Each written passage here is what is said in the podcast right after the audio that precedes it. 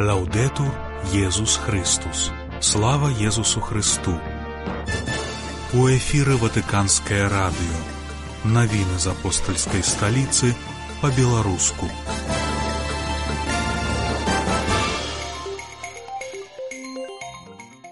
Рыцары Калумба арганізавалі навену за ўкраіну. Рабіны даслалі францішку ліст падзякі.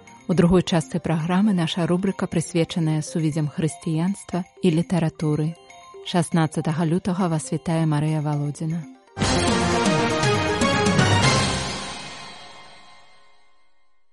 Мы не можам даваць гатовыя маналітныя адказы, але можам дэманстраваць ласку Божую з дапамогай блізкасці, бацькоўства, лагоднасці і тонкага мастацтва распазнавання, параю семінарыстам францішак. Сёння святы отец прыняў на аўдыенцыі ў ватыкане рэктара, супрацоўнікаў і семінарыстаў неапалітанскай арцыбіскупскай семінарыі імя Алесія Аскалезі з нагоды 90 гадавіны яе адкрыцця. Святы отец уручыў сваім гасцям тэкст загадзя падрыхтаванай прамовы, у якой падзякаваў семінарыстам за тое, што адгукнуліся на пакліканне пана за гатоўнасць служыць яго касцёлу. Ён заахвоціў навучэнцаў семінарыі кожны дзень з энтузіязмам і адданасцю развіваць прыгажосць вернасці, нагадаўшы ім, што адукацыя гэта пастаянная ўнутраная праца, якая ніколі не сканчаецца, а доўжыцца бесперапынна ўсё жыццё. На думку францішка святарская адукацыя нагадвае будаўніцтва, будаўнічую пляцоўку. Касцёл гэта адкрытая будаўнічая пляцоўка, асноўная праца якой заключаецца ў тым, каб несці людзям прыгажосць Евангеля. Ад пастараў у любой сітуацыі патрабуецца стыль распазнавання. Шлях святарскага навучання таксама з'яўляецца будаўнічай пляцоўкай, адзначыў францішак, заклікаючы семінарыстаў дазволіць Богу дзейнічаць у іх жыцці.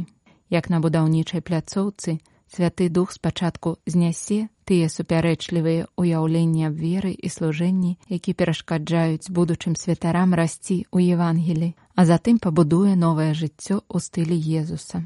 Такім чынам, на будаўнічай пляцоўцы святарскай адукацыі семінарысты павінны культываваць унутранае жыццё, разважаць над словам, паглыбляцца ў вывучэнне праблем нашага часу, тэалагічных і пастарскіх пытанняў, а таксама працаваць над эмацыйнай і чалавечай сталасцю, падкрэсліў папа.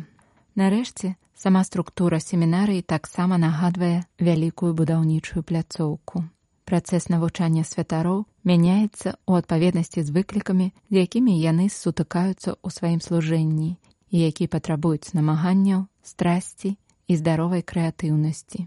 Паступоваму ўключэнню ў будучае святарскае жыццё спрыяюць новыя магчымасці атрымаць пастарскі і місіянерскі досвед. Індывідуальнай сталасці можа спрыяць магчымасць зрабіць перапынак у навучанні, адзначыў францішак.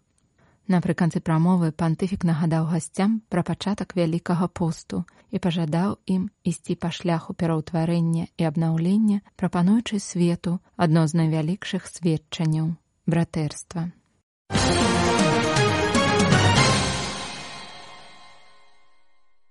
У Мюнхене падчас сімпозіуму тэолагаў і этыкаў, якія абмяркоўвалі прынцыпы трывалага міру ў Еўропе, кардынал Рейнхард Маркс агучыў ідэю стварыць міжнародную каталіцкую федэрацыю міру. Як сцвердзіў арцыбіскуп Мюнхенскі, сусветная супольнасць зараз уцягнута ў амаль безнадзейную спіраль усё большай эскалацыі насілля, у сувязі з чым голас хрысціянскай веры набывае асаблівую вартасць і актуальнасць заклікае ён да міру, паяднання, разважлівасці і пераадолення насілля, але адначасова прызнае права на самаабарону і міжнародную адказнасць за абарону, адзначыў кардынал. У той жа час нямецкі іерарх заклікаў правільна спалучаць рашучасць і разважлівасць. Рашучасць, каб эфектыўна абараняць такія каштоўнасці, як чалавечая годнасць, свабода і дэмакратыя, а таксама салідарна стаяць разам, а разважлівасць і дыпламатычная мудрасць, каб пазбегнуць і пераадолець калектыўную варожасць і эскалацыю. Свае погляды арцыбіскуп Мюнхенскі прадставіў у прывітальным слове падчас канферэнцыі выклікі расійскай вайны супраць Украіны і этычныя прынцыпы трывалага міру ў Еўропе. Арганізатарамі двухдзённага сімпозіума выступілі Мюнхенскі універсітэт імя Людвіка і Максіміліяна, Украінскі каталіцкі універсітэт у Львове і універсітэт Нотр-Дам з ЗША. Хрысціянская этыка міру не наіўная, Яна бярэ пад увагу чалавечую схільнасць да насілля і базуецца на моцы паяднання, падкрэсліў кардынал Маркс, нагадаўшы ў гэтым кантэксце аб стварэнні альянсу міру нямецкіх католікаў пасля першай сусветнай вайны і прадставіў ідэю новага міжнароднага альянсу міру католікаў. У эфіры ватыканскае радыё. Навіны з апостальскай сталіцы па-беларуску. Міжнародная супольнасць рыцараў Калумба заахвочвае католікаў з усяго свету на працягу дзевяці дзён маліцца за ўкраіну. Навена аб міры і аздараўленні распачалася ўчора і завершыцца напярэдадні другой гадавіны вайны ва ўкраіне 23 лютага. Услед за словамі святого Паўла зло дабром перамагаць супольнасць рыцараў Калумба заклікае маліцца на венну не толькі індывідуальна, але перш за ўсё ў парафіях. Кожны дзень навены прысвечаны малітве за пэўную групу, якая пацярпела ад вайны, за ўдоваў, сіротаў, загінулых, ветэранаў, ратаўнікоў і медыцынскія службы. Рыцары штодзень будуць публікаваць на сваёй старонцы найцаў каламбас і ў сацыяльных сетках новыя відэа, у якіх прадстаўнік пэўнай групы будзе чытаць разважанне і весці малітву. Сітуацыя на фронте дынамічна змяняецца. Час ад часу абодва бакі бяруць на сябе ініцыятыву, а значыць цяжка будзе адшукаць шанс на заканчэнне вайны. Адзначыў дзярждэлегат Кшыштаф зуба лідар супольнасці рыцараў Калумба у Польшчы. Вось чаму малітва аб міры такая важная, бо для Бога няма нічога немагчымага.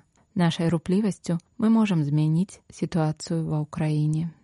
Навенна, напісаная украінкай, падрыхтавана такім чынам, што яе можна маліцца незалежна ад даты. А таму, як адзначылі рыцары, гэтая навенна можа стаць бесперапыннай, нястомнай. Яна ўпісваецца ў больш шырокі кантэкст дапамогі, якую арганізацыя нясе пацярпелым ва ўкраіне. З дапамогай канвой міласырнасці каля 10 тысяч рыцараў у Польшчы і ва ўкраіне даставілі патрабуючым украінцам звыш трох з паловай тысяч тонн прадуктаў харчавання і іншых тавараў, у тым ліку 250 тысяч прадуктовых набораў, 4 тысячы зімовых куртак для дзяцей, а таксама сотні інвалідных калясак, электрагенератараў і іншых неабходных сродкаў.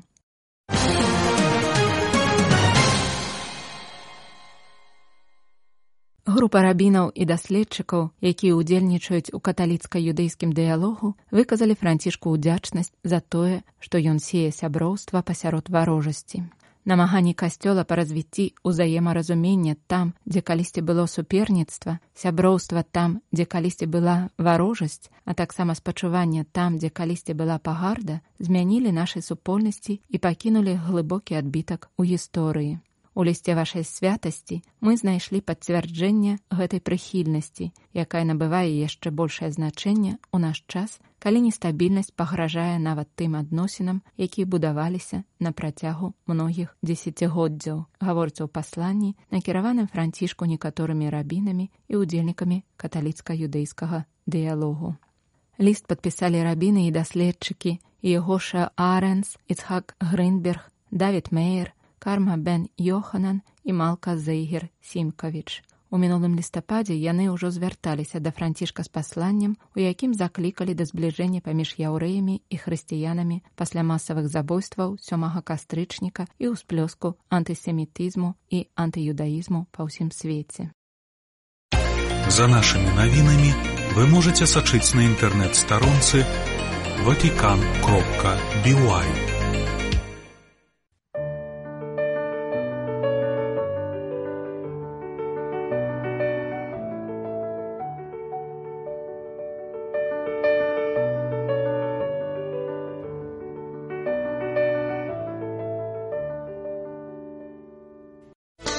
эфіры Ватыканскае радыё па-беларуску.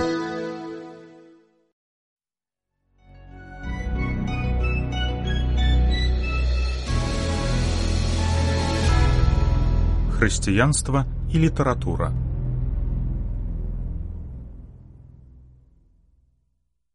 Вітаю вас, шаноўныя слухачы. У эфіры ватыканскага радыё перадача хрысціянства і беларуская літаратура ля мікрафона я, яе вядучы, айцец Андрэй Крот. Сёння мы завершым знаёмства з жыццём і творчасцю міхася зарэцкага. У мінулай перадачы мы гаварылі пра яго артыкул цені крывавай мінушчыны, у якім пісьменнік апісвае падзеі 1918 года ў Беларусі, калі польскі генерал Доўбар Мусніцкі падняў паўстанне супраць савецкай улады. Зарэцкі дзеліцца ўспамінамі аднаго з сялян, які апісвае зверствы польскіх жаўнераў у яго вёсцы. Арышт адбываўся ў нядзелю, калі ўсе жыхары мясцовасці, нават моладзь, былі на набажэнстве ў царкве. Вось як Міхась Зарэцкі распавядае пра пачатак экзекуцыі сялян. Было гэта, здаецца, другога лютага. У нядзелю казалі, што нібы знайшлі яны спіс, хто з нашай вёскі запісаўся ў чырвоную гвардыю. Хто там іх разбярэ, можа, хто даказаў проста. Але прыязджаюць так перад паўднём, яшчэ абедня ў царкве не скончылася. Ну, атачылі з усіх бакоў цэркву. Як пачаў народ разыходзіцца, яны і давай забіраць, хто маладзейшы. Пазабіралі ўсіх чыста, чалавек сто назбіралася. Праваслаўным беларусам якія паводле зарэцкага сімпатызавалі савецкай уладзе, пісьменнік супрацьпастаўляе каталіцкую шляхту, што падтрымлівала доўбар мусніцкага. Багатыя шляхцічы абвінавацілі ў забойстве жаўнера жыхароў вёскі хамічы.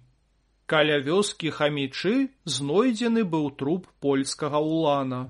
Невядома, ці мела якое дачыненне да забойства вёска ці не, Але да гэтага далучылася яшчэ тое, што мясцовыя кулакі з каталіцкай шляхты даказалі, нібы ў вёсцы ёсць шмат чырвонагвардзейцаў. І вось два эскадроны польскай кавалерыі атачылі вёску, па вузлавых пунктах паставіўшы кулямёты. Загарадзіўшы такім парадкам усе выхады з вёскі, палякі пачалі экзекуцыю.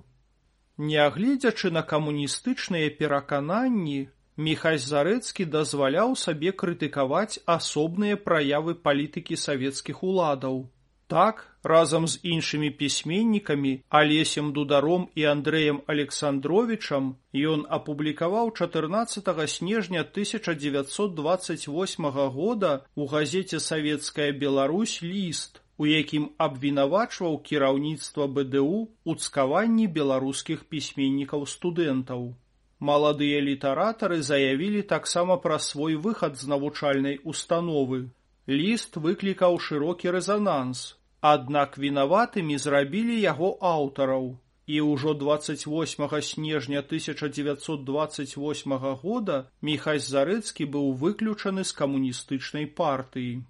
Падчас першай хвалі сталінскіх рэпрэсій у Беларусі, калі ў 1929-1930 годах па справе так званага саюза вызвалення Беларусі былі арыштаваныя многія палітычныя і культурныя дзеячы, Міхась Зарэцкі пазбег зняволення. Аднак напісанае ім моцна крытыкавалася артадаксальнымі камуністамі, пісьменніку давялося адрачыся ад некаторых сваіх твораў. Мы згадвалі пра так і недапісаны раман крывічы. Міхась Зарэцкі працягваў пісаць і публікавацца ў трыцатыя гады. У 1934 годзе ён быў прыняты ў саюз пісьменнікаў БССР. Да лістапада 1936 працаваў загадчыкам аддзела літаратуры і мастацтва беларускай акадэміі навук. Не абмінула міхася зарэцкага чарговая хваля рэпрэсій у 1936-1937 годах. Ён быў арыштаваны 3 лістапада 1936 года ў Менску. асуджаны па-за судовым органам НКУС, так званай тройкай, 28 кастрычніка 1937 года як актыўны член нацыянал-фашысцкай тэрарыстычнай арганізацыі да вышэйшай меры пакарання з канфіскацыяй маёмасці. Загінуў пісьменнік у ноч з 29 на 30 кастрычніка 1937 года у так званую ноч расстраляных паэтаў, калі ў сутарэннях менскай турмынкус былі пакараныя смерцю больш за сто прадстаўнікоў беларускай інтэлігенцыі, у тым ліку каля 20 пісьменнікаў. Пахаваны Міхась Зарэцкі імаверна ў курапатах. 7 снежня 1957 года пісьменнік рэабілітаваны ваеннай калегіяй вярхоўнага суда ССР. Яго асабістая справа захоўваецца ў архіве КДБ Беларусі. Нягледзячы на тое, што Михаил Касянкоў, такім было сапраўднае імя пісьменніка, паходзіў з сям'і царкоўнага служкі, ды сам атрымаў духоўную адукацыю, ён стаўся шчырым прыхільнікам камуністычнай ідэалогіі ды атэізму. Такі супярэчлівы лёс выклікаў цікавасць і захапленне сучаснікаў пісьменніка. Вось як дзеліцца сваімі ўраджаннямі пра першую сустрэчу з міхасём зарэцкім яго паплечнік Ян скрыган. Гэта быў міхась зарэцкі. Ужо тады з першых апавяданняў ішла за ім слава рамантыка. Гэтая рамантыка акружала і яго біяграфію.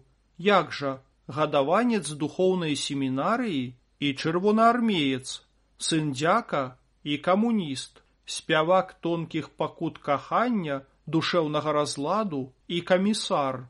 Не дзіва, што я, правінцыяльны хлапчук, глядзеў на яго як зачараваны.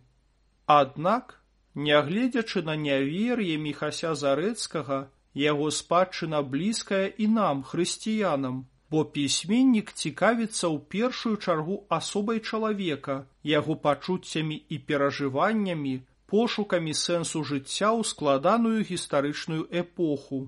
Нягледзячы на тое, што дзеянні яго твораў разгортваюцца ў далёкую ад нас гістарычна і псіхалагічна эпоху будавання сацыялістычнага грамадства, сюжэт іх захапляе. Мы суперажываем героям і чакаем нецярпліва завяршэння іх прыгодаў. На жаль, Міхась Зарэцкі стаўся адным са шматлікіх выдатных беларускіх пісьменнікаў, якія былі спачатку зламаныя, а потым знішчаныя камуністычнай сістэмай. На гэтым час нашай перадачы падышоў да завяршэння. Гаворку пра рэлігійныя матывы ў творах беларускіх аўтараў мы працягнем праз тыдзень. А сёння я з вами развітваюся. Заставайцеся з Богом. З вами быў айцец Андрей Крот.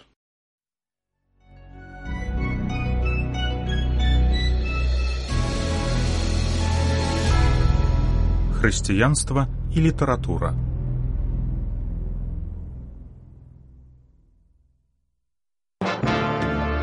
Вы слухали беларускую праграму ватыканскага радыё. За нашими навінамі вы можете сачыць на інтэрнэт-старонцы ватикан.бівай. Слава Езусу Христу! Лаўдету Езус Христус!